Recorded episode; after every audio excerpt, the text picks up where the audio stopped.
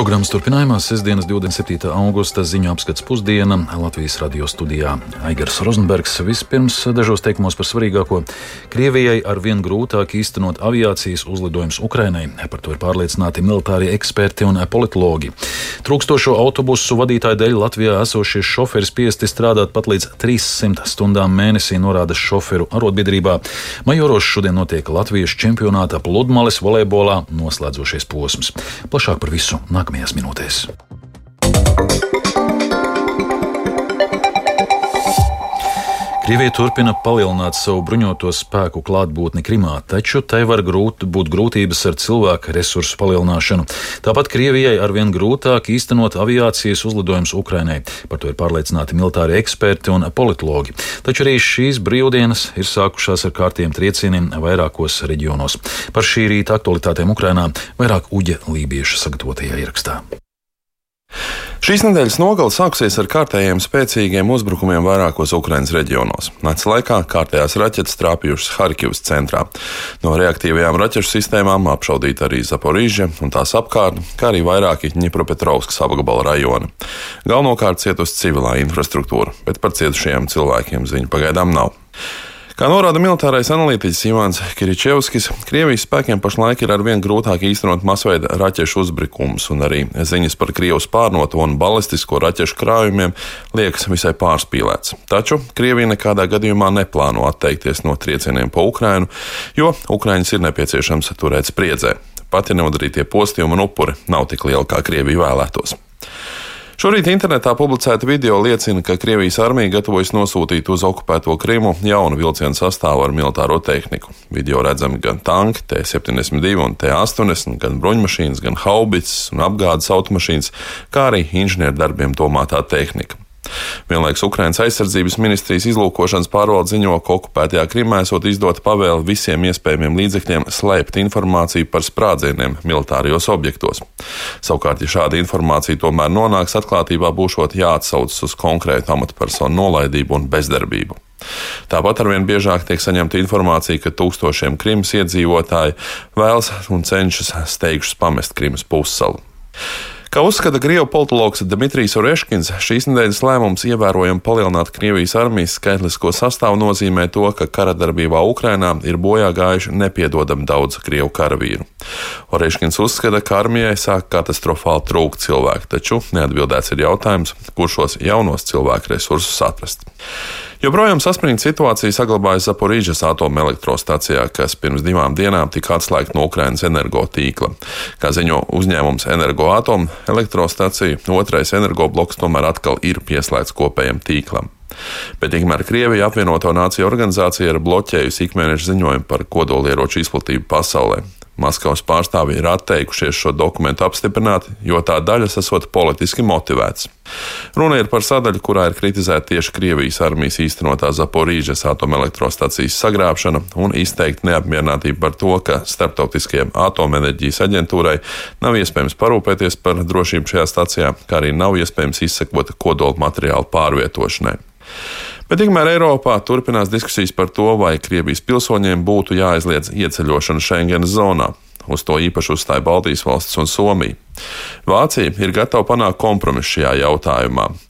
Kā paziņoja Vācijas ārlietu ministre Anna-Lēna Bērboka, gan Vācijas ārlietu ministrija, gan kanclers ir pārliecināti, ka Eiropa izdosies atrast risinājumu, kas ļaus ņemt vērā dažādu valstu izteiktās bažas un vēlmes. Vienlaikus Bērboka gan paudas viedokli ka par karu Ukrainā nevajadzētu saukt pie atbildības visus Krievijas pilsoņus. Tomēr par petīciju, kur aicina Krievijas prezidentu Vladimiru Putinu tiesāt starptautiskajā tribunālā, ir parakstījušies jau 1,8 miljoni cilvēku. Šo petīciju martā platformā Avāza ievietoja pēc Ukrainas ārlietu ministra Dmitro Kulebas ierosinājuma, un kopš tā laika šādu rosinājumu atbalstījušas arī vairākas starptautiskās organizācijas. Uģis Lībijams, Latvijas Radio.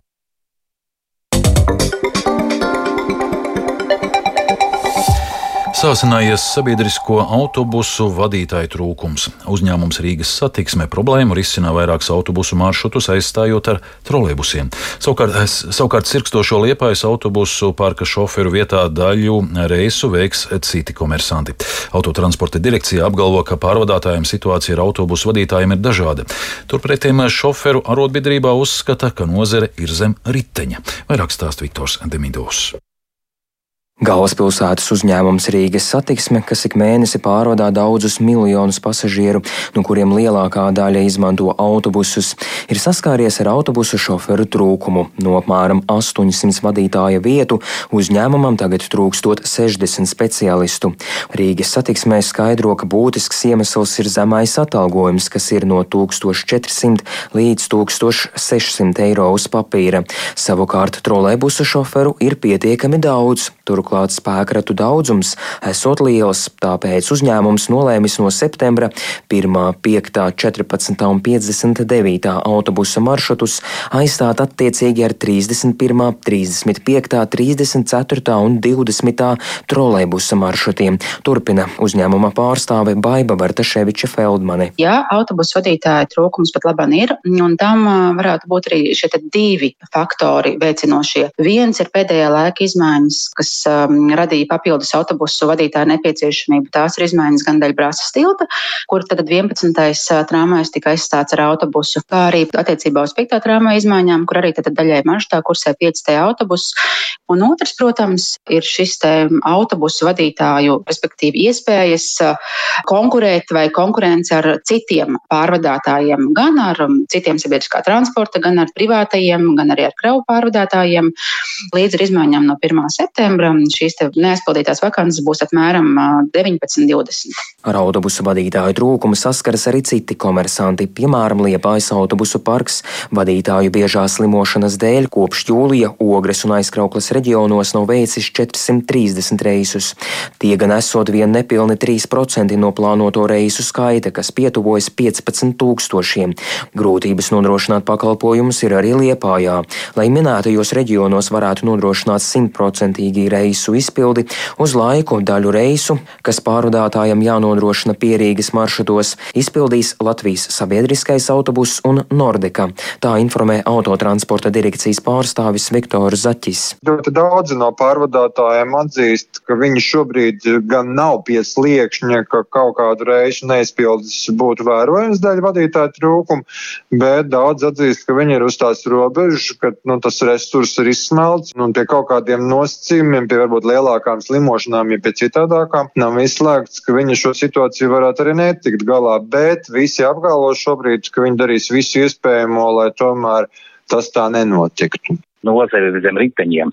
Problēma ir liela, autobusu vadītāji trūkst. Latvijas sabiedrisko pakalpojumu un transporta darbinieku arotbiedrības lakars vadītājs Juris Kalniņš norāda, ka pirms iepirkumiem nav ņemti vērā arotbiedrības priekšlikumi par minimālajām sociālajām garantijām un ka septiņos autobusu pārvadēm reģionos iepirkums ilgs jau pāris gadus. Šobrīd, cik ilgi tie autobusu vadītāji strādās tās nenormālās virsstundas, kā piemēram man arī pēdējā informācija vakar skan, ka viens kolēģis pagājušu mēnesi nostrādājis pie 300 stundām. Tas nav normāli, tas gandrīz vai, nu, pusotru kārtīgi vairāk iet, ja, un nopelna kaut kādu 1400, 1500 eiro. Jā, viss teiks, redziet, cik daudz viņš nopelna, ja, bet par cik stundām viņš māju neredz. Lai problēmu atrisinātu, Kalniņš uzskata, ka situācija ir jārisina visām pusēm kopā - valdībai, darba devēju organizācijai un arotbiedrībai, lai noteiktu korektas minimālās sociālās garantijas.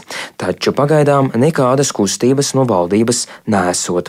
Viktors Demidovs, Latvijas radio. Latvijā auguši arbūzi, melonis vairs nav nekāda eksotika. To audzēja gan zemnieki, gan izmēģina piemājas dārziņu saimnieki, pat pilsētnieki eksperimentē audzējot uz balkona. Bet, protams, to saimnieku, kuri tā nopietnāk ķērušies pie šo siltzemju ogu audzēšanas, nav vēl daudz. Viena no saimniecībām vidzemē, kur, kas arbūzus un melonus audzē arī lielākos apjomos, ir Valmieras novada Branguļu pagastā zemnieku saimniecība Cīruļi. Šonadēļ Valmieras muzejā bija skatām tajā izaudzētās ražas izstāde. Lai redzētu un nogaršotu Branguļu pagastā augušos arbūzus un melonis, uz izstādi devās arī vidzemes korespondente Gunta Matisone.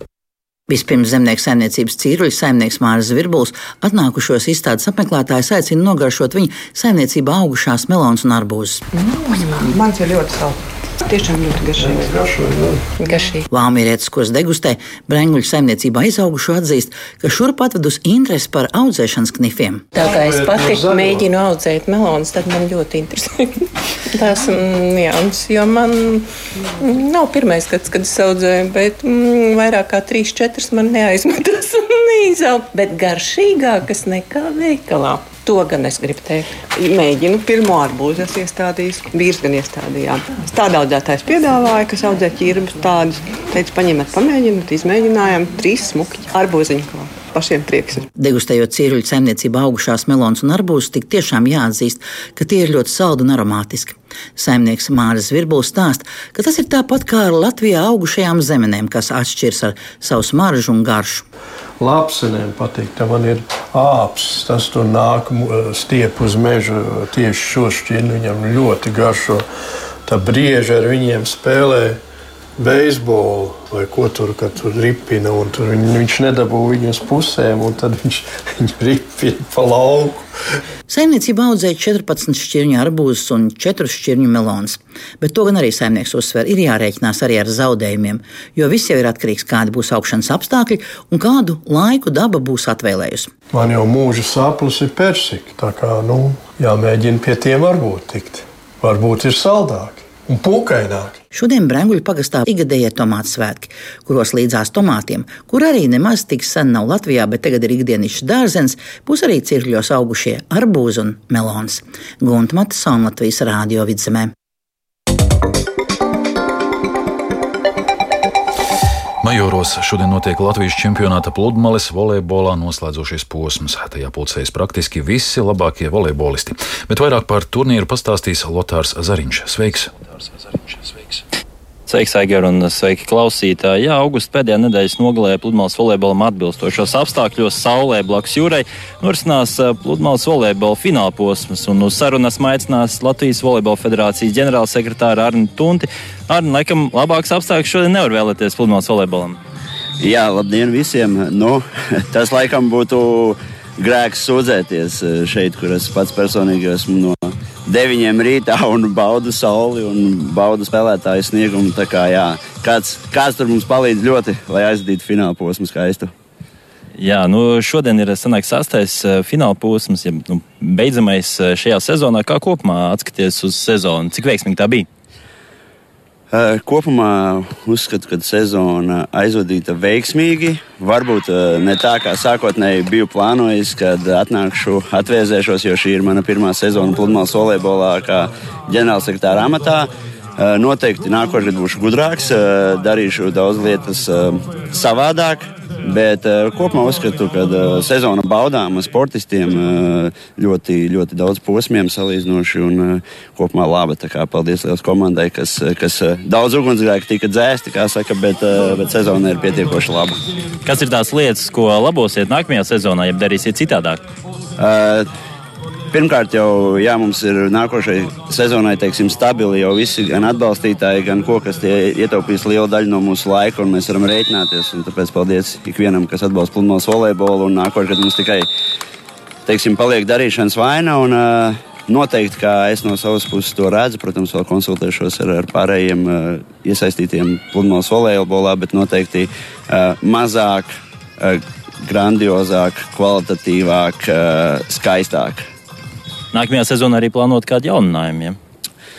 Jaunājumi noteikti, kad, noteikti, kad beidzoties šai sezonai ņemšu iniciatīvu un griezīšos pie kaimiņiem, Igauniem un Lietuviešiem, kad uh, uzskatu, ka beidzot ir laiks Baltijas čempionātam, teiksim tādi, jo, jo sezonas sākumā teiksim, mēs parādījām savu mugurkaulu ar lielu mājas darbu, izdarot ar labu un, un piesātinātu Latvijas čempionātu. Mazliet uzlikām ierobežojumus kaimiņu valstīm, jo Jo īsti sanāca, ka viņi gaidīja uz mūsu kalendāru un, uh, un savu īsti nemaz negribēja saņemties, lai izveidotu teiksim, spēcīgu čempionātu. Uh, tā kā mums ir teiksim, uh, noteikti jāapsēž pie galda un jāizzinājās, lai arī mēs un mūsu sportisti var aizbraukt uz Pērnavu, uz Klaipēdu un, un saņemt tikpat kvalitīvu čempionātu. Un lai tā vasara ir ne tikai pa Latviju apbraukājot, bet es gribētu, lai tas ir arī iesaistīta Baltijā. Teikšu paldies Arnim Tuntam, Latvijas Volejbola federācijas ģenerālsekretāram, un tad jau par skaistu spēli. Paldies, Lotāram! Dzirdējāt 27. augusta ziņu apskatu pusdiena. Producents Edgars Kupčs par skanējumu rūpējās Katrīna Bramberga un Uldis Grīnbergs. Studijā Egars Rozenbergs vēlreiz par svarīgāko.